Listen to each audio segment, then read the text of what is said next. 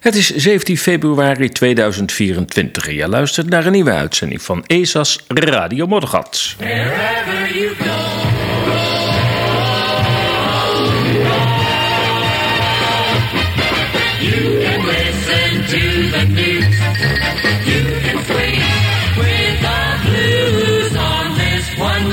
Wonderful station. Just take a lively companion wherever you go. Take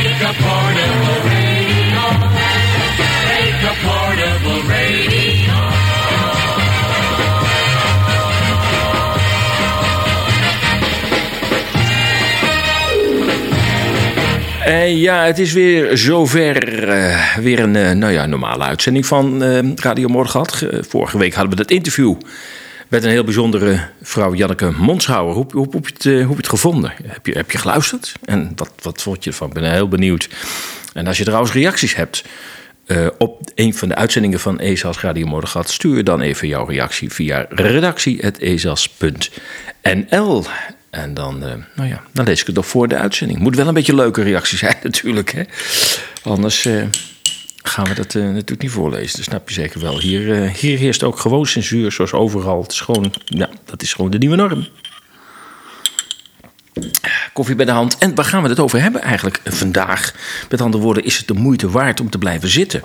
Ja, dat is het zeker. Want we gaan het hebben over, over Tucker Carlson. Jemie, nee, die breekt echt alle records met zijn interview met Vladimir Poetin. Wat is er aan de hand in, en, eh, wat is er aan de hand in Duitsland? Regeringen, protesten, nou ja, bonte fascisten zoals ze langzamerhand worden genoemd, energie en deindustrialisering. Jeetje, wat is daar allemaal gaande? En ja, de sluiting van de Hermitage in Amsterdam, het is alweer twee jaar geleden. Hè? Ja, ja, dat was met de inval van Rusland in Oekraïne. Nou ja, het is toch wel een getuigenis van het cultureel nihilisme van Amsterdam. Daar gaan we het straks over hebben. Kennedy eh, maakte wel een heel hard punt over Oekraïne. He says it all. We gaan het straks horen. En eh, nou, we gaan het nog even over de laadpalen en de energievoorziening hebben. Jongen, jongen, jongen, jongen, het gaat daar allemaal mis. Ja, Tucker Carlson, God, wie heeft er niet van gehoord, zeg? Hallo. Ik geloof dat eh, bij eh, X eh, de, de teller op inmiddels 200 miljoen staat. Ja, ik neem aan dat het allemaal klopt. En eh, hij heeft ook nog zijn eigen website natuurlijk, tuckercarlson.com. En daar zal de teller ook wel eh, in de honderden miljoenen lopen dan, dan, dan ja, mogen we aannemen dat er toch minimaal 300, 400 miljoen mensen tot op heden gekeken hebben naar het interview dat hij had met Vladimir Poetin. Ja, dat is, dat is toch wel. Ja, het is, het is, het is ongeëvenaard. Ik denk dat heel veel mainstream media dit soort kijkcijfers zouden willen hebben. Ik begrijp uit de kijkcijfers eh, in de Verenigde Staten dat veel programma's van die grote netwerken, je weet wel hè eh, CBS of ABC, CNBC, dat, dat die netwerken eigenlijk nog met individuele programma's nog amper 10, 20 miljoen kijkers halen. 10, 20 miljoen.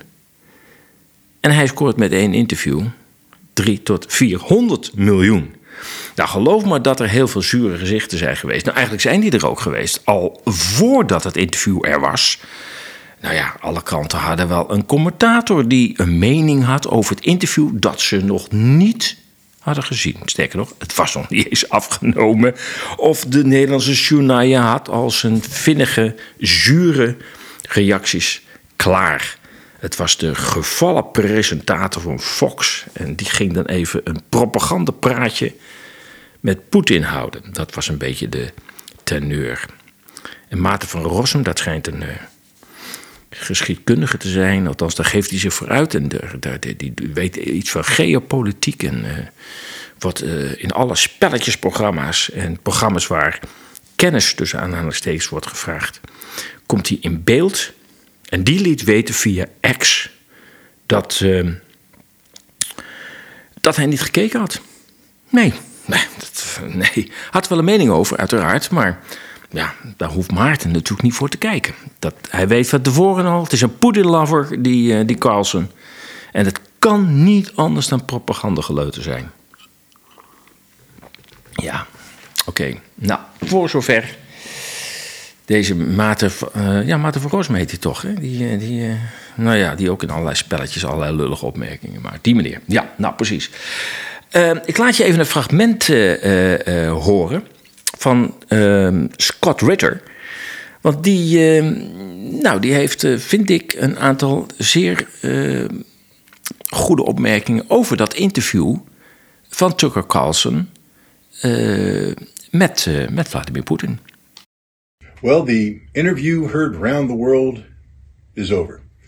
Uh, Tucker Carlson has sat down with Russian President Vladimir Putin, and for over two hours, um, they conducted a much anticipated uh, interview that um, probably didn't go the way that uh, anybody envisioned it to go. Let's first of all give credit where credit is due. This interview would not have occurred if it weren't for Tucker Carlson for his brand, for his persistence, and frankly speaking, for his professionalism. Um, his reputation uh, got him into the Kremlin, got him where he was positioned to sit down and talk with the Russian president.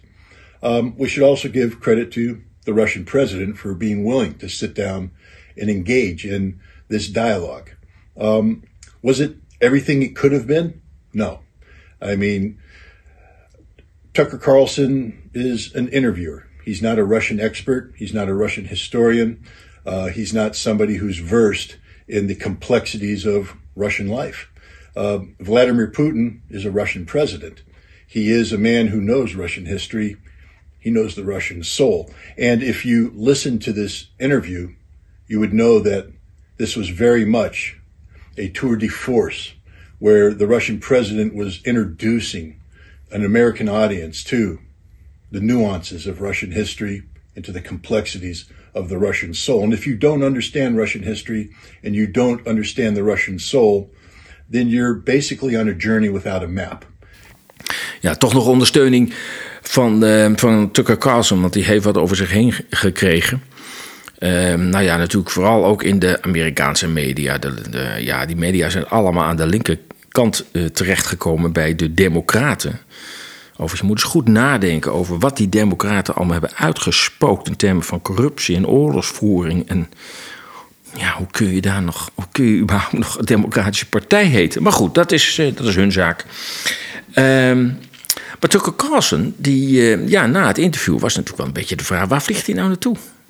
Ja, rechtstreeks naar Amerika kan niet vanuit, uh, vanuit Moskou. Um, naar Turkije. Hij is geloof ik wel heen gevlogen via Turkije. En ineens dook hij op in Dubai. En daar was het World Government Summit. En daar werd hij op het podium gehezen. En uh, blikte hij een beetje terug op ja, hoe de voorgeschiedenis is, is geweest. Start, thank you very much for asking me, and thank you very much for having us here, one of my favorite countries in the world. Um, the, I'll, I'll start in reverse order. Why now? Well, I've been trying for three years to do this interview. Um, the US government prevented me from doing it by spying on my text messages and leaking them to the New York Times. And that spooked the Russian government into canceling the interview. So I've been trying to do this, but my country's intel services were working against me illegally. And that enraged me because I'm an American citizen. I'm 54. I pay my taxes. I obey the law.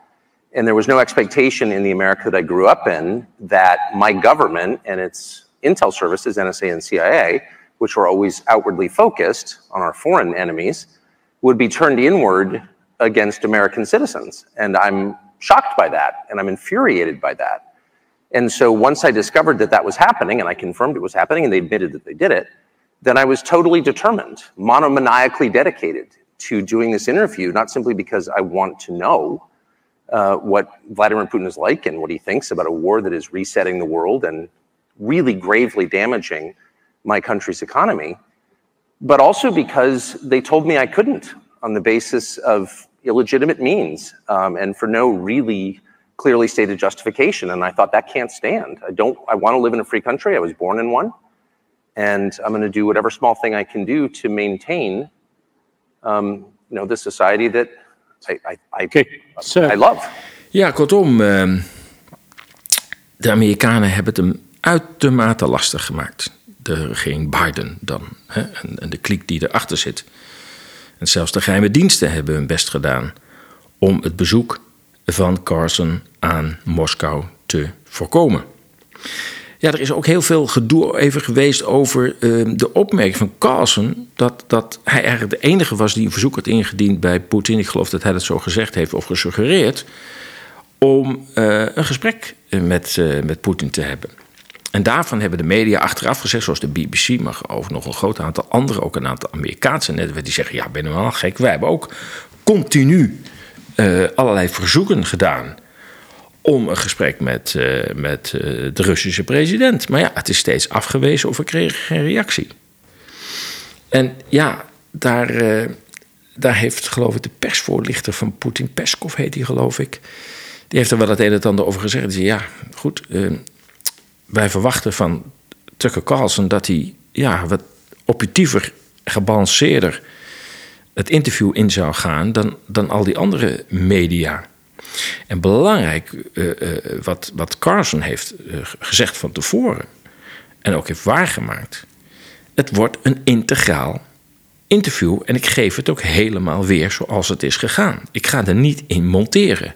Nou, als je één ding weet van de BBC's van deze wereld, de NOS, de, de CNBC's, en noem ze allemaal maar op ja, die knippen en plakken net zo lang tot er een verschrikkelijk negatief beeld uitkomt. Ja, en dat weet langzamerhand, dat weten de Russen natuurlijk wel. Van ja, jullie gaan naar de haal met dat interview. Jullie knippen en plakken gewoon dat jullie narratief toch weer naar voren komt. En Carlsen die heeft beloofd, ik zet de camera aan, het licht gaat aan en uh, we gaan praten. En als je uitgepraat bent, dan zetten we de boel weer stop. En zo zenden we het ook uit ook. Dat is overigens ook journalistiek. Als je tenminste in dit soort situaties werkelijk uh, eerlijk wilt zijn, dan kan het niet anders dan dat je integraal dat uh, interview uitzendt en uh, daar niet in gaat zitten rommelen. En ik kan me voorstellen dat Peskov ehm, tegen Poetin heeft gezegd: Nou, laat die andere omroepen maar gaan, want dat wordt toch knippen en plakken en de, je komt er nooit beter uit. En dat wat je wil zeggen, zeker dat eerste half uur, hè, de eerste half uur waarbij die ja, de geschiedenis van de, de Russen, eh, Russische uh, ontstaan, het ontstaan van Rusland, toelichten. Nou, ik, moet zeggen, ik heb ook wel heel goed moeten luisteren. eigenlijk zou ik het nog een keer moeten horen, want het is een heel lang verhaal. Tucker die had al zoiets van, oh, moet even inbreken, want het duurt wel erg lang. Maar goed, toen zei Poetin ook, hallo, we hadden van tevoren de vraag um, gesteld... weer een show van maken over een serieus gesprek. Nou, daarmee was de kous er even af en kon Poetin weer een kwartier verder. Maar goed, dat was natuurlijk nooit door de BBC uitgezonden, nooit door de NOS uitgezonden, nooit door ABC uitgezonden. Dat kun je wel vergeten. Dat, was, dat hadden ze gezegd. Ja, dat is te, te ingewikkeld voor de kijkers. En dat duurt toch te lang. Weet je, we willen quotes hebben. We willen, nou ja, soundbites, dat, dat soort dingen, weet je. Nou ja. In ieder geval, het was, het was wat mij betreft althans zeer de moeite waard om, uh, om het te beluisteren. En ja, misschien is het uh, toch goed om er nog heel even op uh, terug te blikken. Want het is wel natuurlijk een historisch interview. Niet alleen historisch in journalistieke zin. Journalistiek bedoel ik daarmee, ja. De manier waarop dat tot stand is gekomen. Zoals Stukken al zei, ja, toen ik in de gaten kreeg dat mijn eigen land mij bespioneerde. En de informatie die ze daarmee hadden verkregen in de krant lieten zetten. Toen dacht ik, ja, als dat mijn land is, dan zet ik nu door. En dan moet ik dit interview gewoon gaan realiseren. Ja, het vergt wel heel veel moed, want er werd door uh, Zelensky uh, hoogstpersoonlijk dezelfde dag nog op de dodenlijst gezet. Ik heb begrepen dat er ook sponsorgeld van de Verenigde Staten achter die dodenlijst zit. Ja, zo kan het gaan. In deze idiote, maar ook corrupte wereld, helaas. En wat natuurlijk opvallend uh, was, ik weet niet of je dat hebt gezien, dat ten tijde van, de, uh, van het publiceren, dat was 12 uur middernacht, vrijdagnacht, uh, er ineens veel branden uitbraken in Moskou. En nog, uh, nogal forse branden ook. Ik heb daar eerder gezegd niet zoveel meer van ehm, eh, gehoord, maar Kijk, het is een grote stad natuurlijk. Het is een miljoenenstad. Dus er brandt altijd wel iets. Laten we heel eerlijk zijn. Ik bedoel, ik weet niet hoeveel miljoen mensen er wonen. Maar het is een miljoenenstad. En ja, het is overal een brand. Maar ja, er waren er wel een paar tegelijk. En ook hele grote. Dat vond ik wel. Ik denk, nou. wat zou daar nou weer achter zitten? Ik weet wel dat Victoria Newland. Ja, dat, dat, zit in het rijtje van de Madeleine Albright en, de, en, en, en, en eh, Hillary Clinton. Dat zijn drie vrouwelijke oorlogsmisdadigers. Ja, die eh, is in Kiev geweest voor de uitzending van, eh, van Tucker Carlson. Heeft gezegd, nou, er kunnen nog wel wat verrassingen komen. Nou, ik weet niet of het stichten van branden in Moskou tot haar repertoire eh, eh, behoort. Maar als je Victoria, Newland op bezoek krijgt in je land... dan eh, zou ik maar eens even goed wat extra voorraad inslaan... want dan komt er rottigheid. Altijd waar deze vrouw opduikt, ontstaat er rottigheid. Ja, nog even terugblikkend. hè? Want honderden miljoenen belangstellenden over de hele wereld zaten klaar voor het gewaagde interview van de zelfstandig presentator, journalist en programmamaker Tucker Carlson. Niet in de laatste plaats al die commentatoren van de overheidsmedia, zo noem ik ze inmiddels, die de volgende ochtend al hun cynische en van jaloezie getuigende proza in de krant of het nieuws wilden hebben. Negeren van het gesprek was onmogelijk. Daarvoor was het bereik van Carlson te groot. Inmiddels nadert de teller dus al de 200 miljoen en het is nog steeds groeiende. Cijfers die de grootste Amerikaanse netwerken gewoon bij verre niet meer haalden. Ik, mij viel wel overigens in de introductie van hem voor het interview, waarbij hij zei van nou, Poetin gaat wel erg lang op de geschiedenis eh, in. Ik heb het geprobeerd, maar ja, hij bleef maar doorgaan en er werd ook een beetje geïrriteerd. Maar dan zei hij ook in diezelfde eh, inleiding, zei hij van eh, dat, dat Poetin in het gesprek zou zeggen dat hij een historische claim heeft op het westen van Oekraïne. En toen dacht ik, hoe kan het nou dat niemand hem dat eh, gecorrigeerd heeft? Dat is, dat een hele nare fout. Want het, het lijkt erop alsof Poetin dus toch heel Oekraïne wil hebben. Nou, dat heeft Poetin overigens helemaal niet gezegd. Maar dat suggereerde Carlsen wel. Hij heeft waarschijnlijk bedoeld, nou, hij heeft waarschijnlijk bedoeld, eh, hij moet hebben bedoeld, het oosten van Oekraïne. Maar goed, dat terzijde. Ja, het is, het is bekend hè, dat Poetin veel waarde hecht aan de historische context van gebeurtenissen. Zijn detailkennis wordt door geen enkele leider in het Westen geëvenaard. Het denken in termen van historie is niet alleen iets voor Poetin, maar eigenlijk voor heel Oost-Europa. Bij de Slavische volkeren is dat heel gebruikelijk. In Servië wordt nog jaarlijks de slag op het Merelveld herdacht. Is een gebeurtenis van meer dan 600 jaar geleden, in 1389. Nog steeds refereren Serven aan deze gebeurtenis. Poetin stelt de snelle interviewcultuur van Carlsen dus heel kort even aan de orde met zijn monoloog van 2000 jaar geschiedenis van Rusland.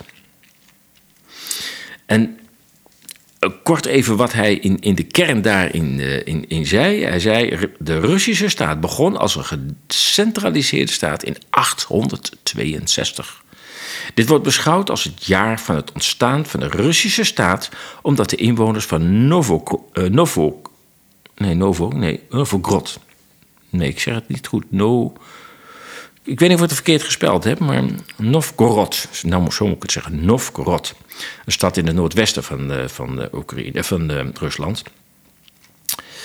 Ehm, dat hij een, eh, een, een, dat hij een prins uit Scandinavië vroeg, althans het, het land vroeg, een, een prins uit Scandinavië, om het land te gaan regeren. Nou, in 1862 vierde Rusland inmiddels het duizendjarige verjaardag. Dat is ook alweer in 1862, maar dat wordt nog steeds herinnerd. Zelfs de, de viering van die duizend jaar wordt nog herinnerd.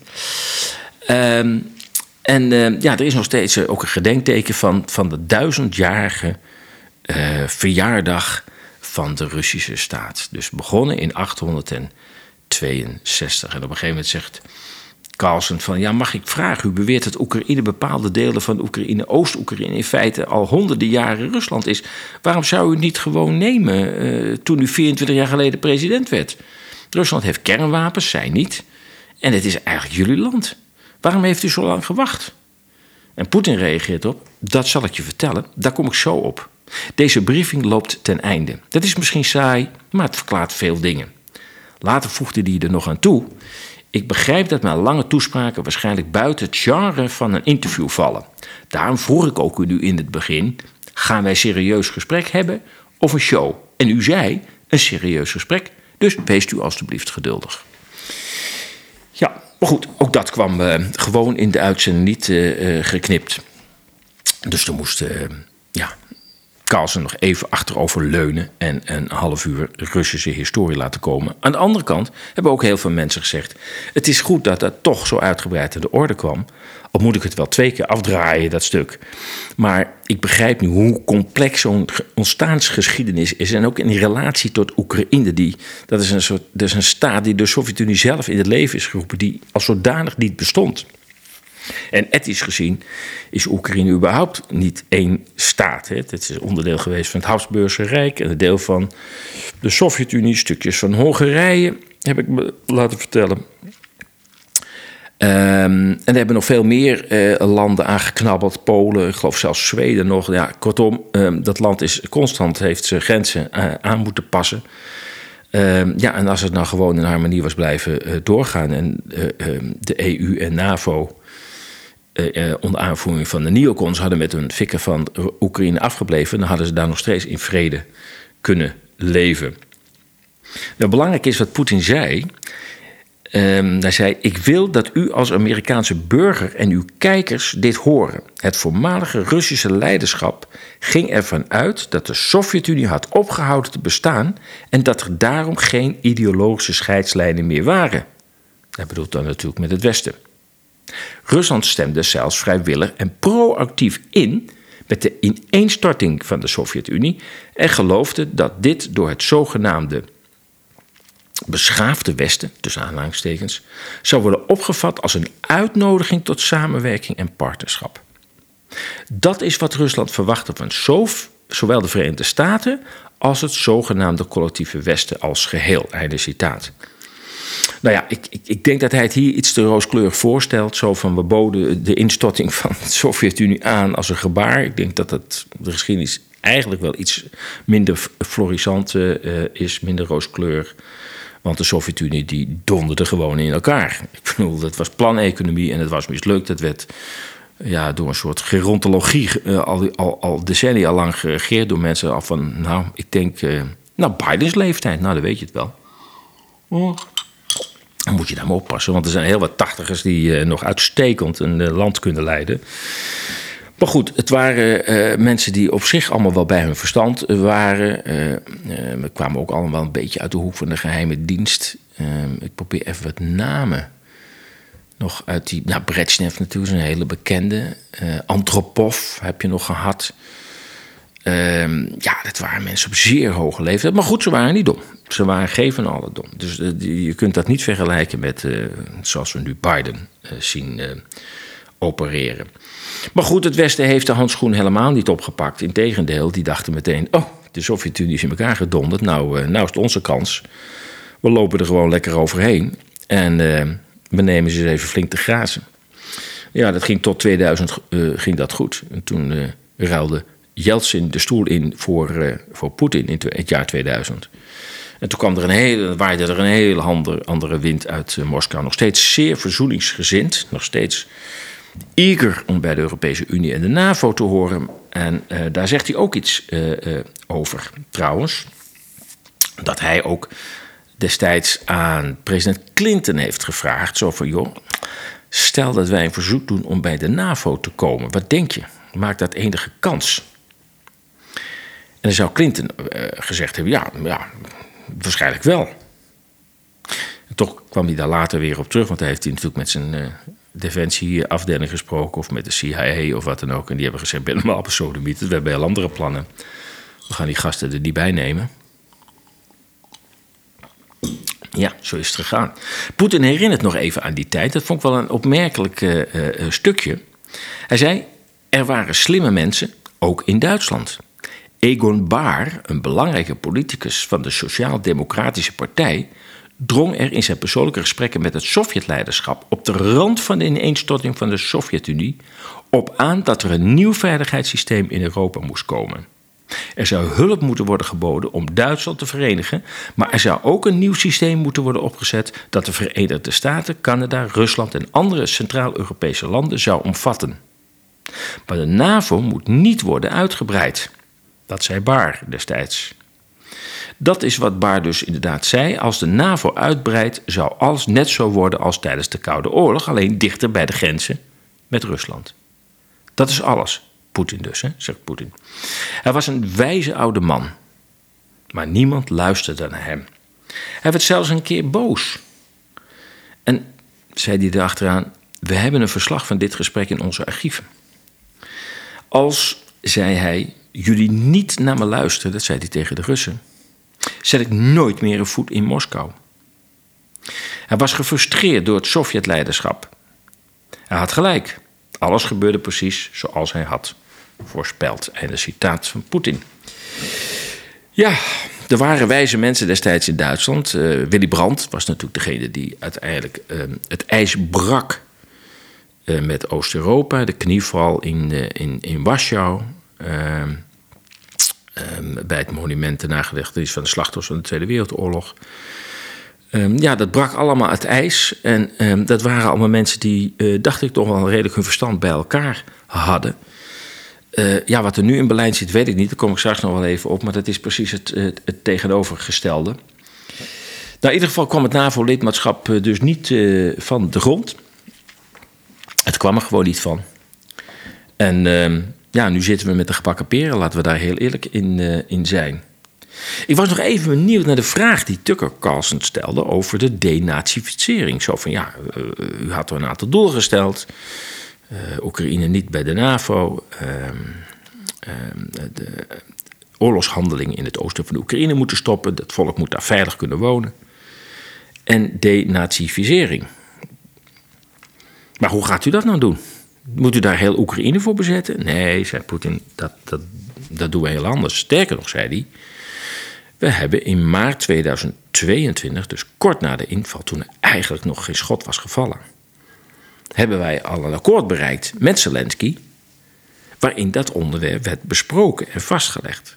Waarbij Zelensky beloofde dat nou ja, het, het ophemelen van het, van het nazi-segment in de Oekraïnse samenleving. en hun betrokkenheid in de Oekraïnse regering. en hun betrokkenheid in allerlei overheidsorganen. dat dat zou worden teruggedraaid. Dus Poetin zei: nee die denazificering die doen we via onderhandelingen. Daar gaan, daar gaan we niet heel Oekraïne voor uh, bezetten. Ja, en dat is natuurlijk een ander verhaal. Hè. December 2021 was het laatste voorstel voor de inval eh, van, van Rusland aan het Westen. Jongens, laten we onder tafel gaan zitten, want dit gaat zo niet goed.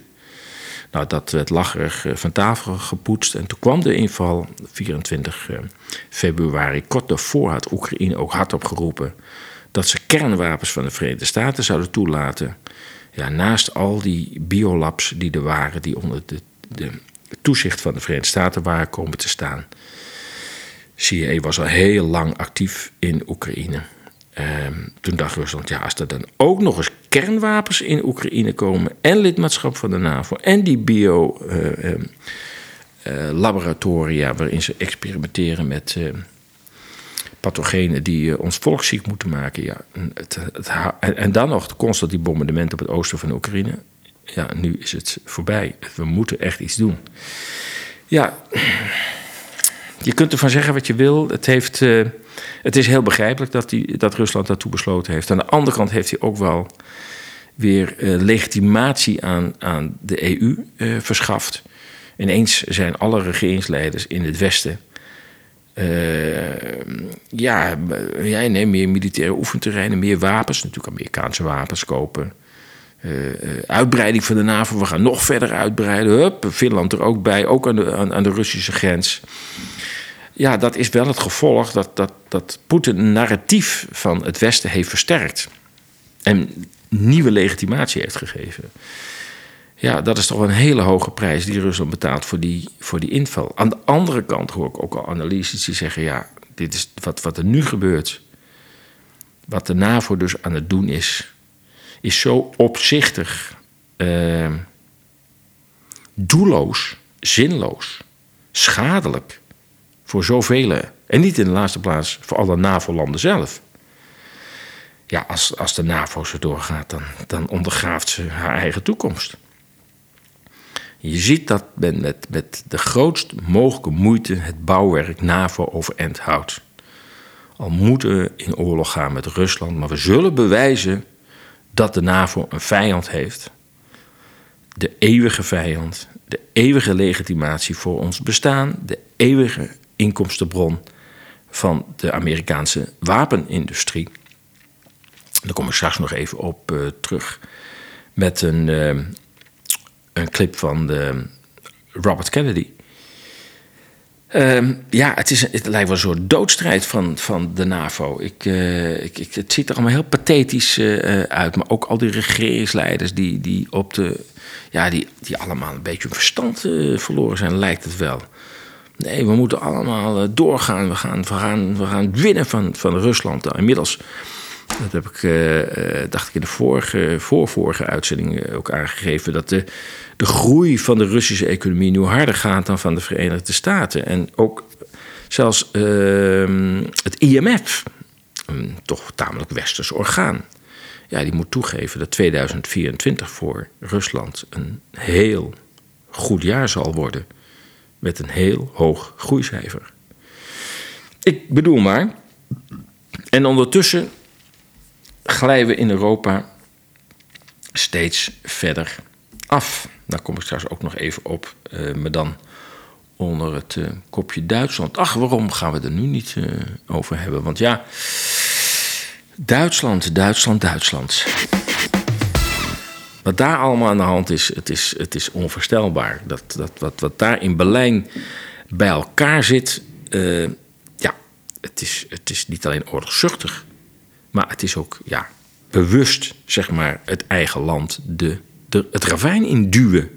Het, het was natuurlijk al met die waanzinnige energiepolitiek Waarbij uh, kerncentrales gewoon werden uitgezet. Nee, we gaan nou uh, op de windmolens uh, vertrouwen. Nou, dat was natuurlijk niet zo, want er kwam natuurlijk nog heel veel gas binnen uit Rusland. En olie en kolen zelfs nog. Dus dat was niet echt het verhaal. Maar goed, het, het, moest, het moest een aanzet zijn om nog sneller en nog meer windmolens te gaan, gaan bouwen.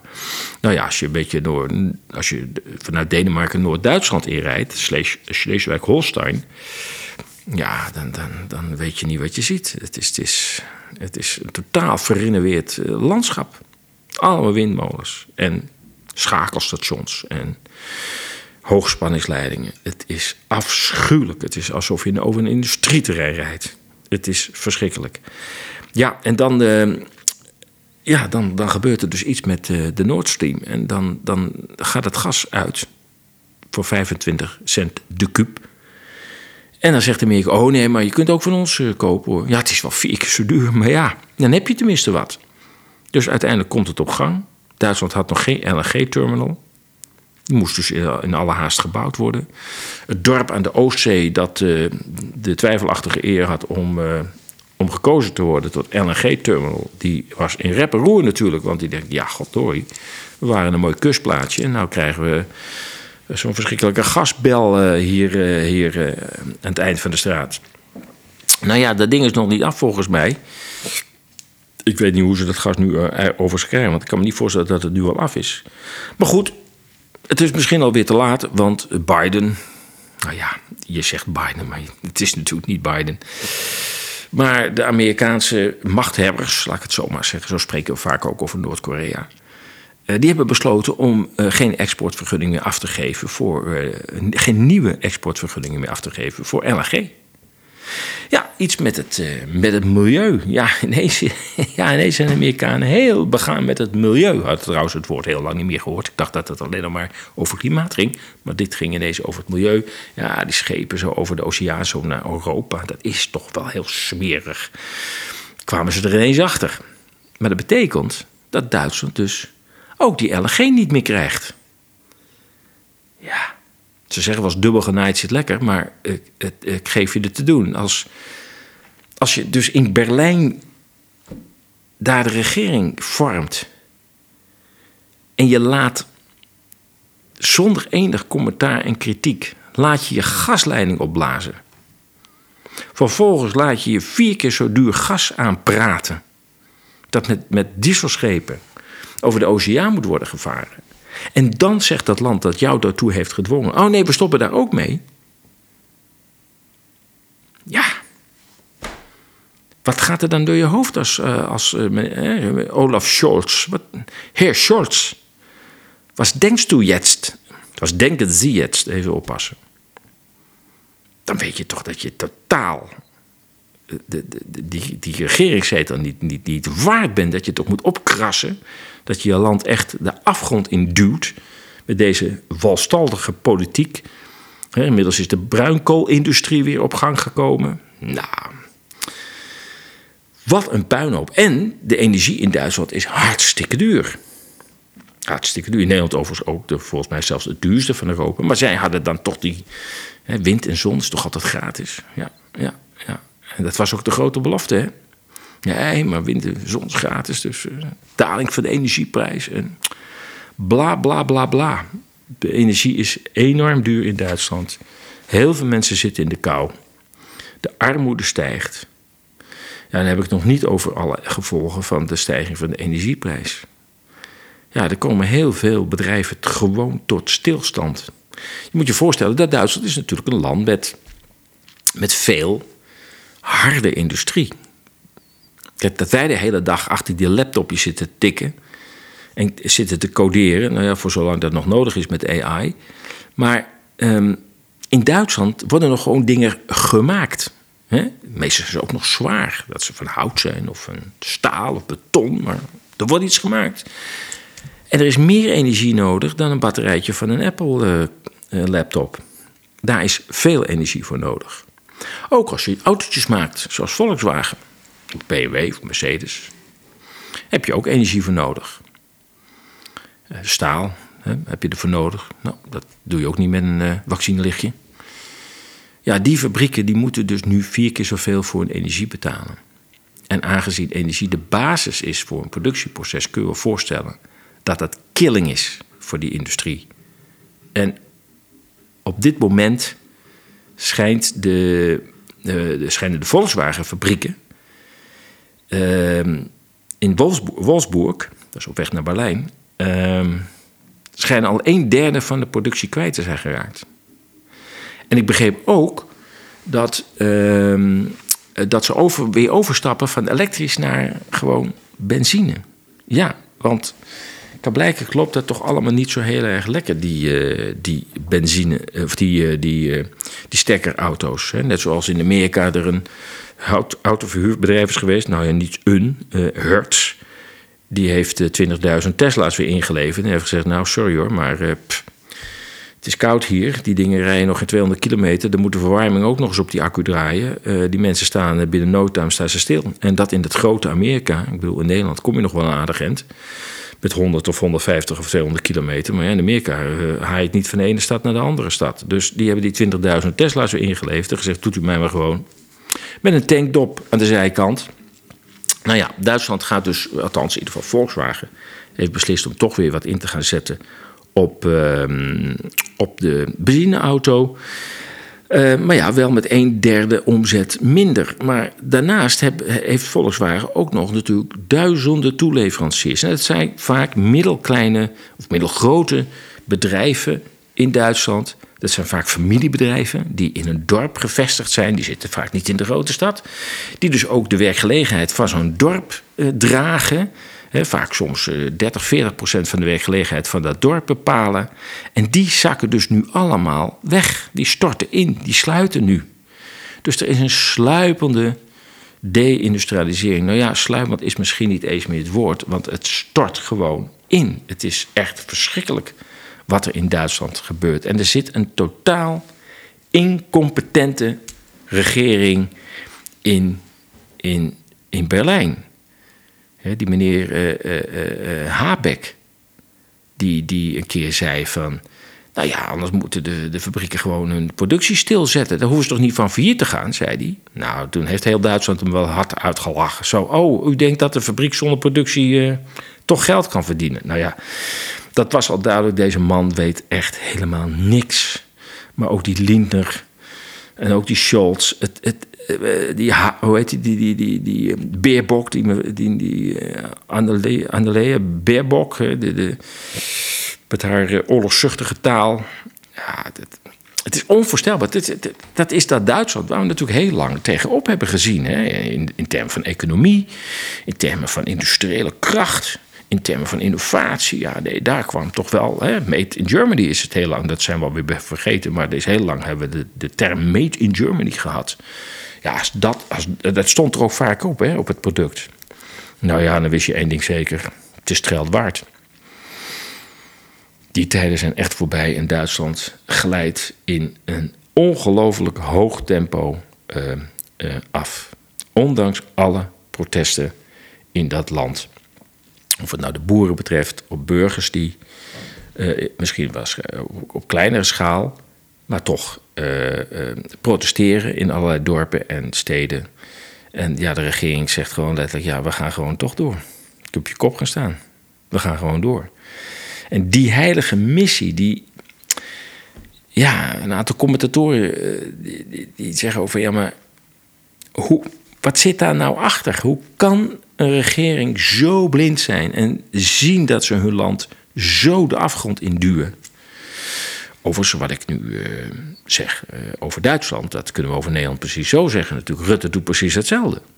Rutte is ook ons, ons land niet alleen aan het uitverkopen aan Jan en Alleman, aan allerlei organen, maar uh, ja, drijft met alles wat er uh, op ons afkomt, al die belastingen, ook niet alleen voor burgers, maar ook voor boeren. Uh, en de carbon tax die eraan gaat komen, ja, die drijft onze economie ook de afgrond in. En daarnaast hebben we nog een immigratieprobleem. Dat speelt natuurlijk in Duitsland ook in hoge mate. Het ongebreideld toelaten van mensen die ja, onvoldoende kwalificaties hebben. Uh, om in Duitsland aan het werk te komen. Want werk is toch de toegangspoort tot integratie in de samenleving. Of schoon je daar ook langzamerhand wel vraagtekens bij kan zetten. Want als ik af en toe zie de radicalisering bij de derde generatie uh, immigranten in Nederland, maar ook in Duitsland. Is de derde generatie inmiddels. Daar lijkt uh, die hele integratie toch niet echt meer goed gelukt. Het lijkt juist weer uit elkaar te groeien. Dus we hebben een aantal thema's die toch eens een keer zouden moeten worden behandeld door competente lieden. En die zijn er gewoon op dit moment niet. Niet in Den Haag, want laat ik zeggen, wat stelt ons parlement op dit moment ook voor? Je, we zijn in oorlog, hè? We zijn in oorlog en dan zit het parlement daar te eiperzeiken over... Ja we, moeten, ja, we moeten een kabinet. Ja, maar ik wil een plus. Ja, maar ik wil een min. En, en, nou, maar dan ga ik met jou niet samenwerken, hoor. Nee, dat is niet staatsrechtelijk genoeg. Nee, ik haak af. Ik ben moe en uh, doeg. En we zijn een land in oorlog. En het, zit helemaal niet in het bewustzijn van... jeetje jongen, ja, we zijn in oorlog. Wat, gaan we daar eens wat aan doen? Nee joh, nee. Ik begreep dat zelfs BBB nog zei van... ja, we moeten toch de, de, de Nederlandse samenleving meer oorlogsbereid maken. Soldaten, militairen moeten gewoon weer in hun kloffie over straat. In de trein. Zo begon het in Nazi-Duitsland ook. Dat je in de trein zat en daar kwamen de militairen binnen. En daar moest je ook heel veel respect voor hebben, want dat was natuurlijk ook allemaal opgeklopt.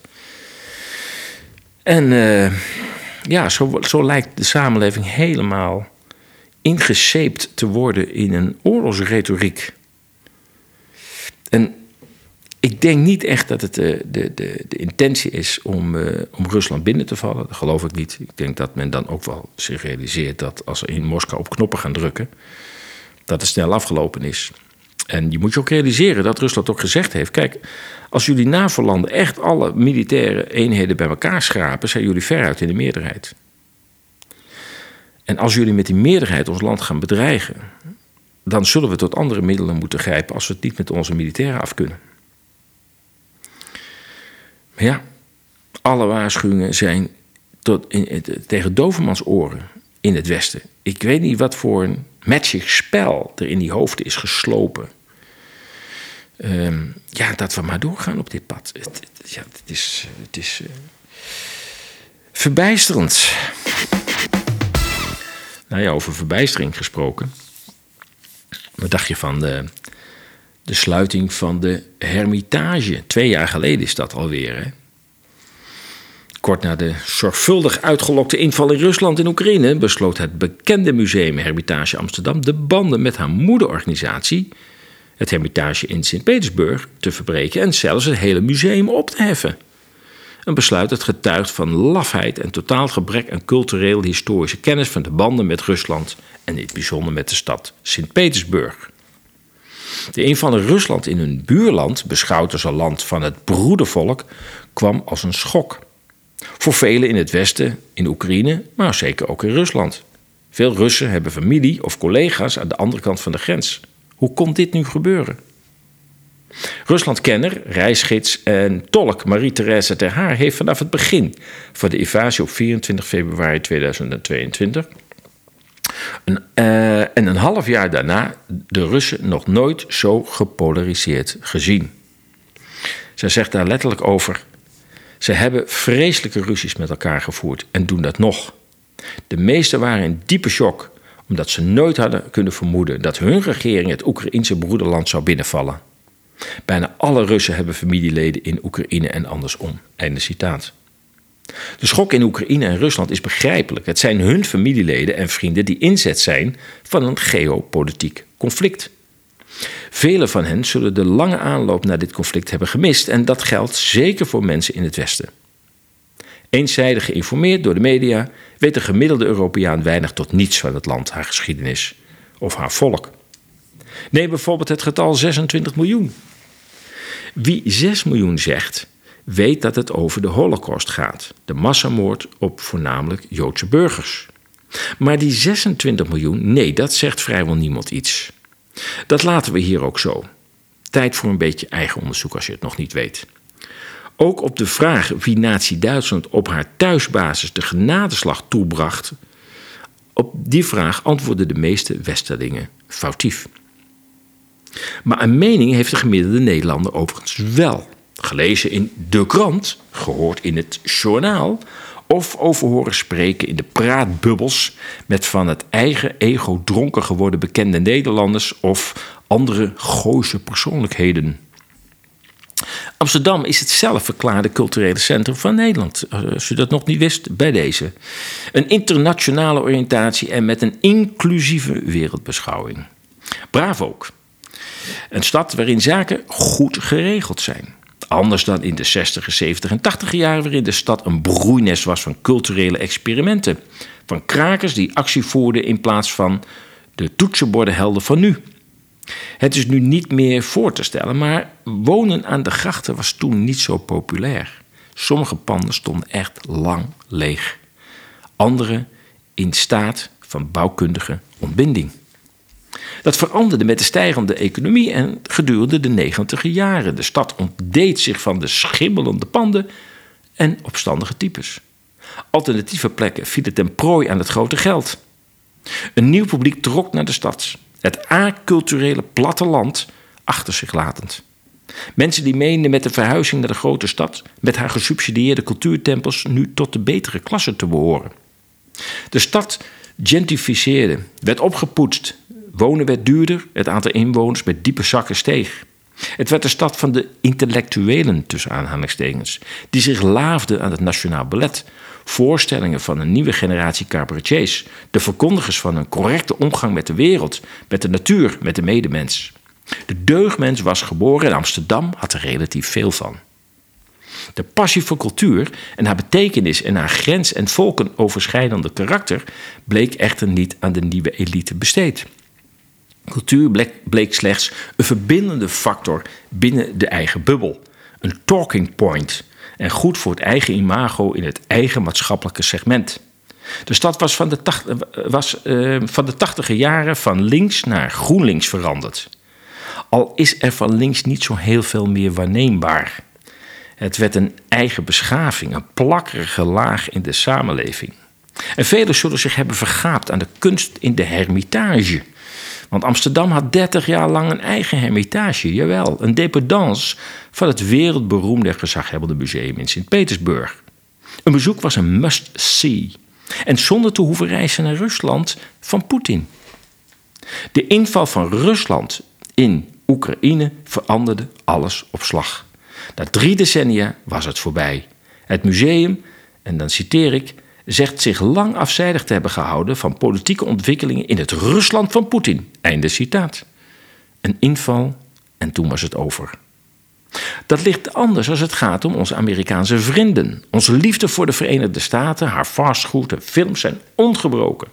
Een land dat sinds 1945 geen jaar zonder zelf begonnen oorlog, oorlog is geweest. Miljoenen zijn onder Amerikaanse bom om het leven gekomen. 500.000 kinderen die bij de inval in Irak om het leven kwamen. Ja, dat was een hoge prijs, zei de toenmalige State Secretary Madeleine Albright. Maar het deed ons allemaal niets. Geen McDonald's moest sluiten, geen ambassadeur op het matje geroepen, geen vakantie naar New York, Florida of, Canada, of uh, Californië werd geannuleerd. Het Hermitage, dat heet nu het Hartmuseum. Ja, je bedenkt het niet, maar alle Russische kunst is retour Sint-Petersburg.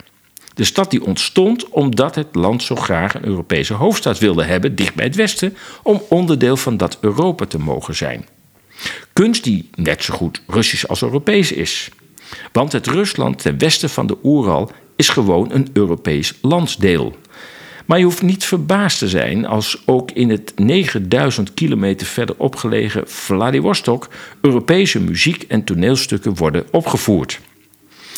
Marie-Thérèse Haar zegt daar het volgende over. Rusland begon de invasie op 24 februari 2022 en het Westen reageerde vol ongeloof en afschuw. Het eerste wat het Westen deed was een groot pakket aan sancties opleggen aan Rusland. Toen volgde het confisceren van alle Russische bezittingen in het Westen. Westerse landen sloten hun luchtruim voor Russische vliegtuigen. Vervolgens kwam er een algehele cancelcultuur van theaters, musea, concertzalen waar Tsjechov, Tchaikovsky, Catharine de Grote of Tolstoy op het programma stond.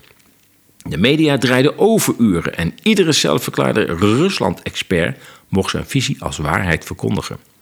De Rusland-Poetin-haat begon gruwelijke vormen aan te nemen, al dus Marie-Thérèse Haar. En zo viel ook het doek voor het Amsterdamse Hermitage. Want cultuur is politiek, is partijkiezen, is tonen aan welke kant je staat. Waar cultuur en sport nog de laatste bruggen kunnen slaan in een verziekte politieke sfeer, worden ook die bruggen inmiddels afgebroken.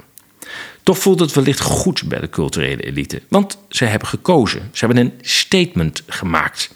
De vakantie naar Florida of Guggenheim in New York hoeft gelukkig niet te worden geannuleerd, hoeveel oorlogen dat land ook voert. De Hermitage mag ook geen Hermitage meer heten. Het heet nu het Hart Museum. Een nietszeggende naam die geen indicatie geeft wat er nu te zien is in dit deugmuseum. Iets met outsider art staat op de website. De opheffing van, de, van het Hermitage is een besluit uit lafheid en intellectuele armoede. Van een keuze die de Amsterdamse culturele bubbel intact moet laten. Rusland en Poetin mogen geen splijtswam worden bij de volgende opening van een galerie of tentoonstelling. Wie overigens toch overweegt een bezoek aan het Hartmuseum te brengen, gelieve even het uitgebreide reglement te lezen. Ik heb het nog niet eerder gezien bij een museum, zo uitgebreid. Zo wordt u gevraagd, en ik citeer nu letterlijk van hun website, alleen op rustige en zachte toon spreken en rustig lopen, niet rennen.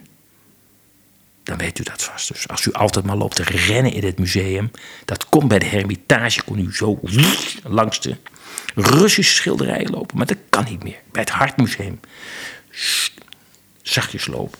En als het over uw privacy gaat, heeft de regeling ook iets te zeggen. Namelijk dat het museum het recht heeft om beeld- en geluidsopnames te maken en openbaar te maken. U kunt daar geen bezwaar tegen maken of een vergoeding eisen. Nou, dan weet u dat als u thuis komt.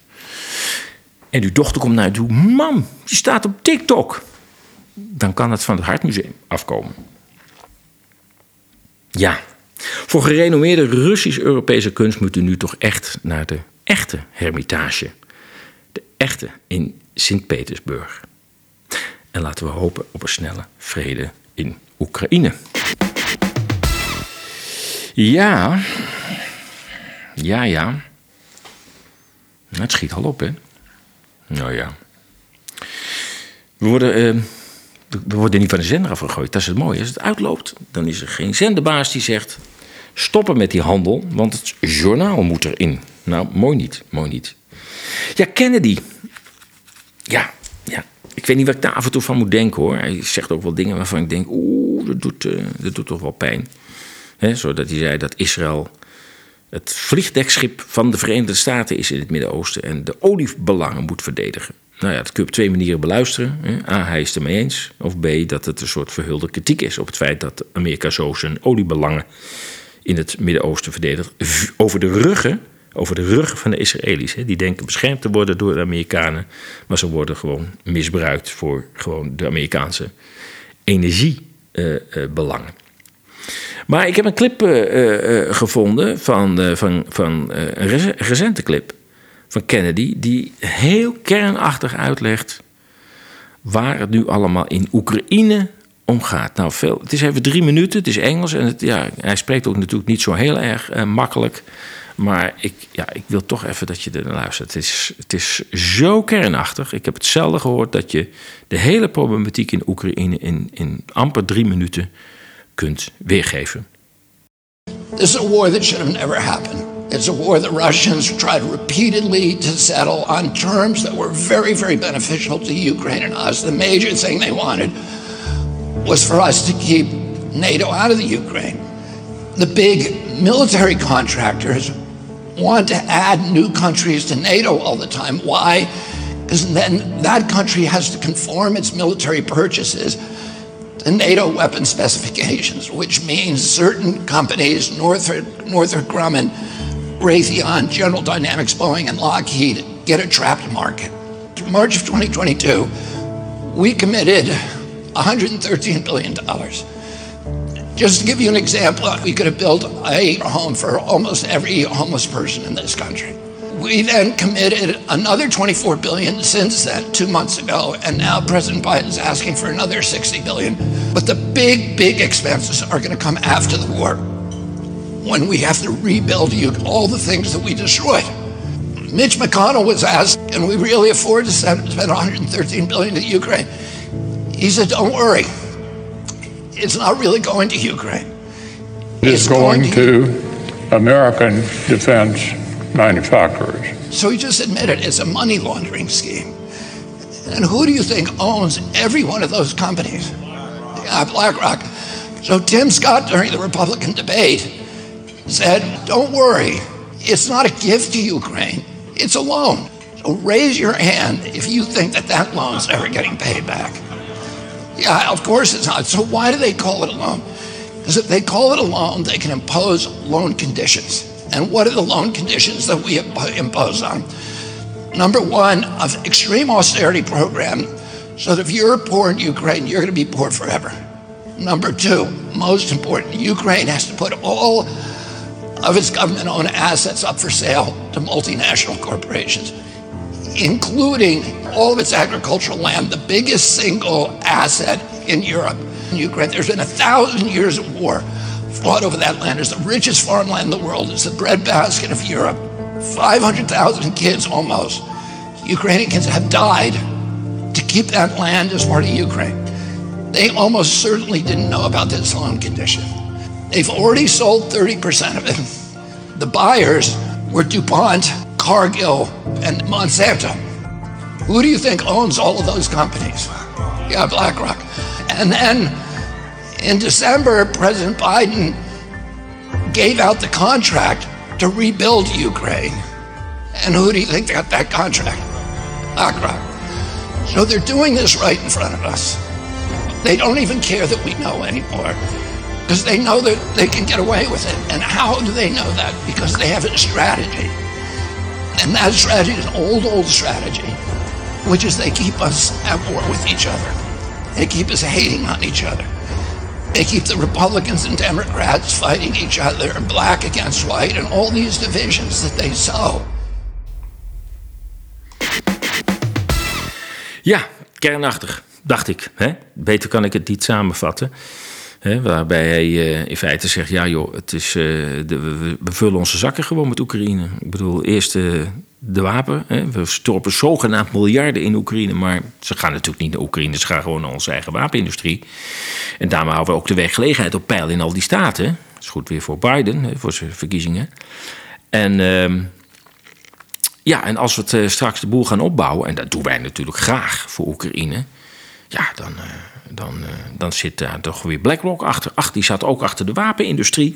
Dus ja, dat is, dat is destijds ook met Halliburton gebeurd. Het was een soort eh, BlackRock avant la lettre. Toen was BlackRock er volgens mij nog niet.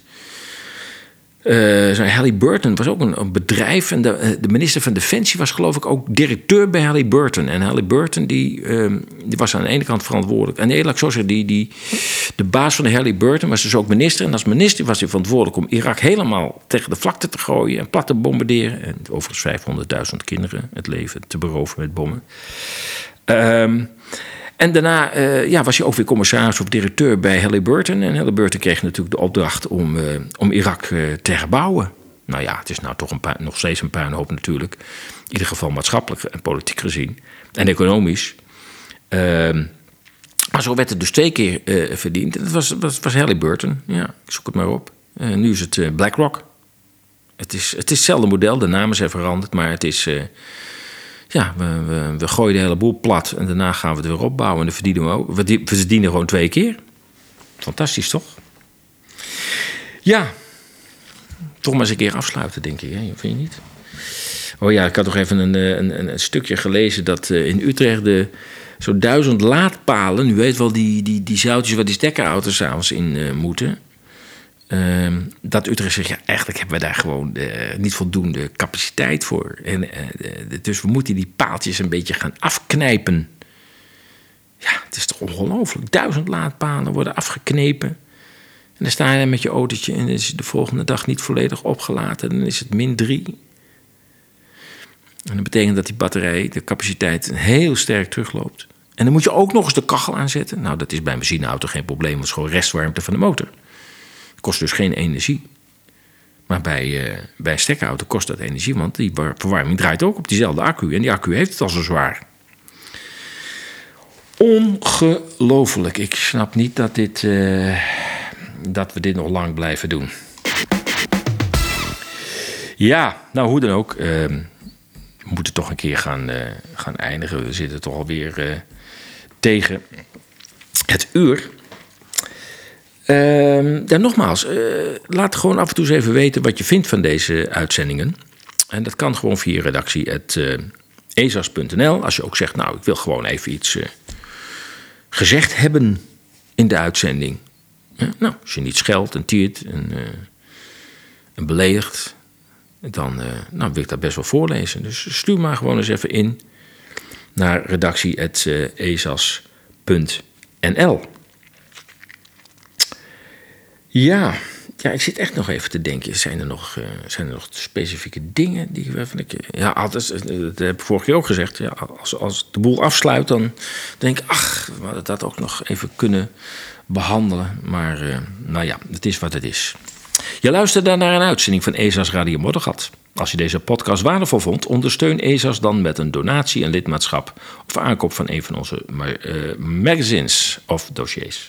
Maak ons bereik groter en deel deze podcast van Radio Moddergat op je social kanalen. Je kunt ESA's volgen via onze nieuwsbrief, RSS, Telegram en Substack. Kijk voor meer informatie op esas.nl. En heb ik toch nog iets voor de rondvraag? Uh, op de website staat nu op, meteen op de voorpagina rechtsboven uh, um, de laatste en de, nieuwste uitzending van Radio Moddergat. Dus ja, als je op een van de grote platforms geabonneerd bent, dan krijg je daar natuurlijk een signaaltje van. Maar je kunt het ook gewoon meteen op de website uh, beluisteren. Uh, in ieder weekend staat daar weer een nieuwe aflevering. Rechtsboven op de website van ezas.nl. Ik wens je voor nu een goed weekend. Blijf waakzaam, blijf sterk en tot volgende week.